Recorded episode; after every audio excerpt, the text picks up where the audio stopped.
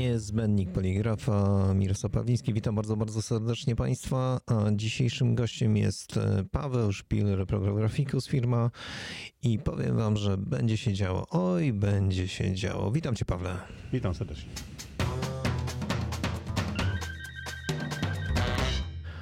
To jak było po tym pierwszym podcaście? Powiedz, co się wydarzyło takiego ciekawego?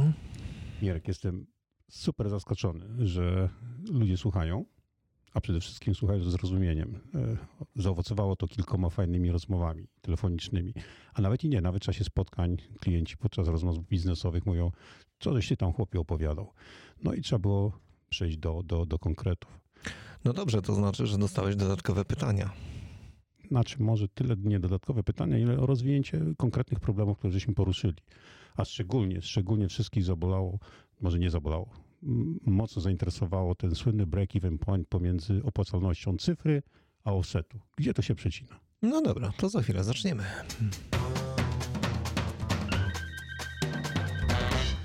No to powiedz, gdzie to się przecina i gdzie ten punkt jest, który powinien być tym najważniejszym? Dla tych, co nie słyszeli, przypomnę, że porównywaliśmy, ja posłużyłem się przykładem, e, który Screen przeprowadził parę lat temu, to jest około 3-4 lata temu na Słowenii jednej z drukarni, gdzie było porównywany druk cyfrowy książki w stosunku do e, maszyny offsetowej. I powiedziałem wówczas, że ten słynny break-even point, że się opłaca wówczas to na poziomie około 300 egzemplarzy. No i tutaj, tutaj się zaczęła dyskusja, czy jest to 300, czy więcej, czy może mniej, bo różnie to wygląda. I właściwie dyskusja polegała na tym, że samo stwierdzenie 300 to jest za mało należałoby powiedzieć o tym, w jakich warunkach to było drukowane, na jakiej maszynie, jaka to była książka, e, co żeśmy porównywali, w jakich nakładach. E, I tutaj chciałbym rozwinąć bardziej ten temat. Proszę bardzo. Konkretnie było to badanie e, pomiędzy screenem TruePress 520, która była drukowana książka 432 kartki dwustronnie zadrukowane i było badane od 100 egzemplarzy po 200, 500, 1000, 1500 do 5000. I porównywanie druku, gdzie papier był ten sam, przygotowanie, jeżeli chodzi o przygotowanie, dokładnie podobna, mm, natomiast różnica polegała typowo w technologii. Gdzie wystąpiły główne różnice? No, zgadnij Mirek. Nawet nie będę próbował. Podstawowa różnica to oczywiście jest w czasie druku. I prosty przykład. Wezmę pierwszy z tabelu, pierwszą mm, z brzegu element. Wydrukowanie gotowej książki w nakładzie 500 sztuk, właśnie takiej na maszynie ośmiokolorowej, trwało 13, w oprawie twardej, 13,5 e, godziny. W przypadku... Ale mówimy od startu do produktu końcowego. Do produktu końcowego. W przypadku maszyny e, cyfrowej mówimy tutaj o godzinie 30. I Idąc dalej, dochodząc do 5000 sztuk, mamy 19 godzin, prawie 20 godzin na y, druku offsetowym, a mamy w chwili obecnej około 15 godzin na maszynie cyfrowej. I wówczas porównując odpowiednie koszty, właśnie między innymi chociażby z prostej rzeczy jak przygotowanie płyt, prób, czyli element e, kontroli koloru, cięcie, falcowanie, podłączenie online, E, szycie, bo to jest oprawa szyta, wychodzi na to, że właśnie ten element opłacalności w przypadku druku cyfrowego jest na poziomie 300-350 sztuk przy tej konkretnej książce. I mówimy tutaj o konkretnych maszynach e, cyfrowych i offsetowych.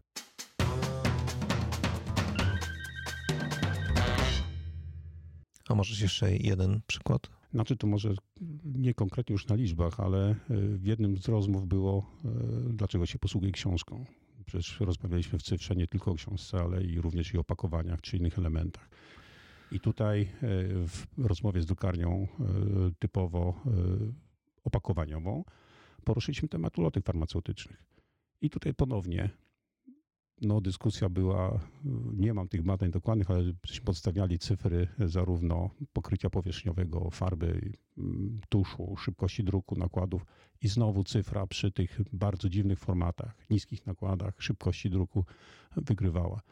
I teraz w zależności od tego, no tak jak przynajmniej w tej drukarni powiedziano, że dzisiaj zamówienia na te ulotki farmaceutyczne są właściwie just in time. Teraz w tym momencie potrzebuję nie na magazyn, masę zmian, masę dziwnych formatów, dochodzi kolor jeszcze do tego, czyli nie jeden plus jeden, ale jakieś dziwne pantony, dziwne rozwiązania.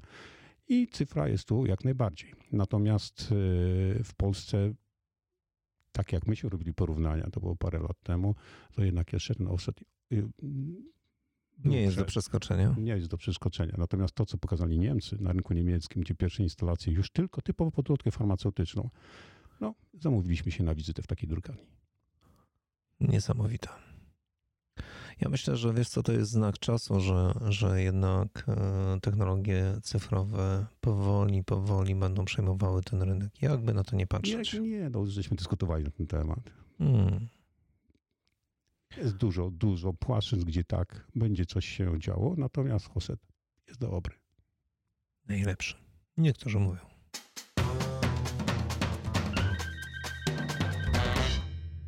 No dobrze, to skoro już pojawiła się nazwa Screen, wiesz co, mnie bardzo zainteresowała ta firma. Czy mógłbyś trochę więcej na temat Screena powiedzieć? Bo dzisiaj ją kojarzymy e, z urządzeniami, które są dzisiaj dostępne, które już znamy, ale jak mógłbyś trochę powiedzieć, co, co, co się wydarzyło w tych ostatnich latach, albo rąbka tajemnicy, e, odkryć, co wydarzy się w najbliższym czasie, byłoby wręcz cudownie. Mirek, nie prowokuj.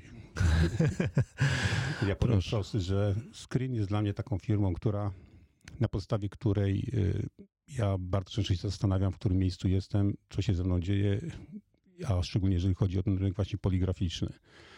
E, kiedy przeanalizowałem kroki milowe od momentu, jak ja się zacząłem w poligrafii obracać, e, które żeśmy wykonywali wspólnie z Ingon Screen, no to stwierdziłem, że już chyba młody nie jestem.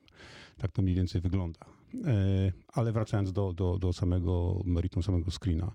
Właściwie screen ma jakby podwójną rocznicę. To niedawno było 150, a właściwie 75 lat. Chodzi o to, że zaczęło się to w 1868 roku Mm, przez pana Siaro Ishide, który w Kyoto jako grawer, no, zwykły grawer, tworzył pierwsze miedzioryty. Wtedy właśnie założył firmę Ishida y, Kyokuzan Printing Works, która jest podwaliną, jeżeli chodzi o firmę e, Screen. I zaowocowało to tym, że właśnie tworząc miedzioryty, 1918 roku opatentował element tzw. Tak przezroczystej folii do druku litograficznego. Potem jest 34 rok, y, kolejny patent i uwaga, robiąc właśnie te elementy miedziorytnicze, czyli po te kwestie y, rysowania linii na szkle, y, opatentował metodę grawerowania właśnie linii na szkle, mm, która pozwoliła no, stworzyć te pierwsze rastry. Czyli polegało to na tym, że puszczaliśmy film, mieliśmy jakieś zdjęcie, puszczaliśmy światło przez nie, one przechodziło właśnie przez te linie pograwerowane na szkle i tam, gdzie było bardziej ciemno, to powstawały mniejsze kropki, gdzie jasno, jaśniejsze kropki i dzięki temu powstał obraz. W ten sposób tworzono pierwsze obrazy w Japonii właśnie na podstawie przemysłowej produkcji e, szyb, po prostu szybek, które były pocięte i które rozszczepiały e, warstwę światła. Oczywiście 43 rok, wtedy pan e, Keizo Ishida powiedział, OK, to powstaje firma Screen i zaczynamy produkcję właśnie tego elementów związanych z grawerowaniem szkła, czyli y, z rozszczepianiem światła. Zresztą nazwa, Screen. Stąd tak. nazwa Screen. No i postawił właśnie od tego czasu można liczyć te kroki milowe. Pierwsze, mówiłem, no, lata 40 to były te szybki, te, te, te, te szkła grawerowane. I uwaga, lata 60 to są kamery reprodukcyjne. Pamiętasz kamery? Pamiętam, pamiętam. No, młodzi pewnie już nie. Ale to właśnie są kwestie kamer produkcyjnych i tutaj Screen był jednym z głównych y, producentów tego elementu. Y, lata 70. to były skanery. Skanery z fotopowielaczami. No, skan również to był potęgą, jeżeli chodzi o elementy skanerowe. Czyli 40., 60., 70. Zobacz, jak to idzie. Szkło, kamera, skaner. Lata 80 wchodzimy w ferę elektroniki i tutaj tworzenie stron, interne, chciałbym powiedzieć internetowych, tworzenie stron, tworzenie wszelkiego rodzaju e, e, kwestii związanych z e, publishingiem w postaci elektronicznego, tu również screen ma swój udział. Lata 90., uwaga, pierwsze naświetlarki. 40., 60., 70., 80. Od szkiełka dochodzimy do na świetlarki. E, lata 2000 przechodzimy, znowu redukujemy proces technologiczny, mamy CTP. Lata 2010 wchodzimy w druk inkjetowy. I można tak powiedzieć, że z tym screenem tak ewaluujemy do przodu, idąc krok po kroku w kierunku właśnie rozwoju technologii.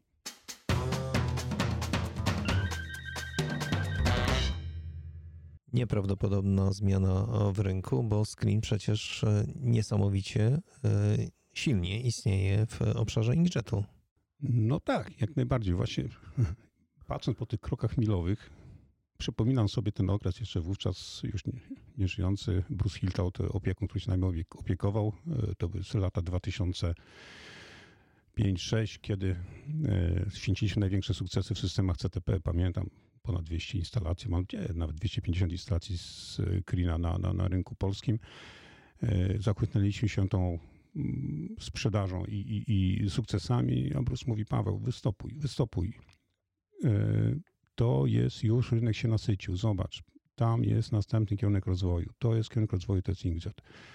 Nie wierzyłem, ale dwa lata dalej po prostu rynek się tak skurczył, tak nasucił, że faktycznie należało szukać nowych rozwiązań. A one już były. Screen miał inkjet i ruszyły właśnie maszyny cyfrowe. Tutaj głównie mówimy o maszynach, jeżeli chodzi o, o rolowych maszynach przemysłowych do druku yy, zarówno komercyjnego, jak i druku związanego z yy, bankowością, z faktoringiem. Dalej się to rozwijało poprzez maszyny związane z drukiem etykiet, no a w chwili obecnej zapowiedzi, które są na najbliższe lata, tak jak już w ostatnim podcastie wspomniałem, już jest maszyna nowa związana z drukiem do etykiet, do, przepraszam, do opakowań giętkich. No i czekamy na rozwiązanie do produkcji kartonowej. Kiedy spodziewasz się, że będziesz mógł ją zobaczyć? Jest to ta maszyna y, do, do produkcji y, opakowań giętkich już jest i jest oferowana, natomiast no, jest to tak wielkie urządzenie, duże rozwiązanie gabarytowo, że w żadnym showroomie się tego nie zobaczy, w związku z czym można je zobaczyć u jednego z użytkowników. Na razie w Europie jeszcze tego nie ma, czyli podróż do Japonii.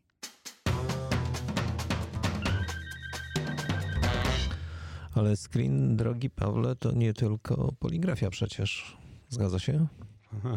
Oczywiście. I to, I to jest właśnie fajne, że wykorzystanie technologii, które były w poligrafii, posłużyły do zupełnie innych dziedzin, które Screen wykorzystał w swojej technologii, swoi, swoim rozwoju. Przede wszystkim mając możliwości związane z rozszczepianiem, z rysowaniem tych słynnych szkieł i rozszczepianiem światła i, i technologią e, związaną ze szkłem, tworzył, nie wiem czy o tym wiesz Mirka, ale od 1963 roku do 25 roku wszystkie maski CRT w telewizorach były produkowane w większości na, na, na elementach, e, liniach produkcyjnych screena. Fajne, co? Super. Ale też nie koniec. Wyobraź sobie, że dzisiaj Screen jest numer jeden na świecie, jeżeli chodzi o produkcję linii, e, linii technologicznych związanych z produkcją monitorów. Czyli można powiedzieć, że element ma najbardziej rozwiniętą technologię kładzenia równomiernego powłok światłoczułych na szkle. Y, jeśli do tego dodam, że tak jak ostatnio y, koledzy z kina się chwalili, opracowali bardzo nową technologię masowej produkcji elastycznych ekranów, czyli na podłożach poliamidowych. Wyobraź sobie 10-mikronowe podłoże poliamidowe i wymiar 1,50 m na 1,85 m, który się jest pokrywany w 120 sekund. Rewelacja. Niesamowite. Ale to jeszcze nie koniec. I tu jest numer jeden, jeżeli mówimy.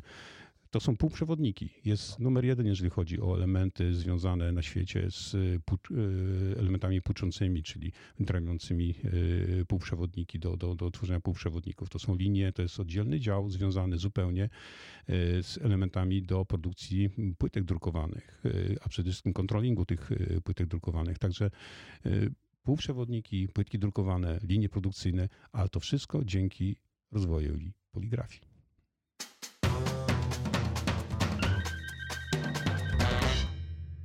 Drogi Pawle, jest jeden temat, który mnie cały czas nurtuje. Przemknęliśmy przez niego po prostu tak delikatnie i tak szybko, że niektórzy może nawet tego nie usłyszeli.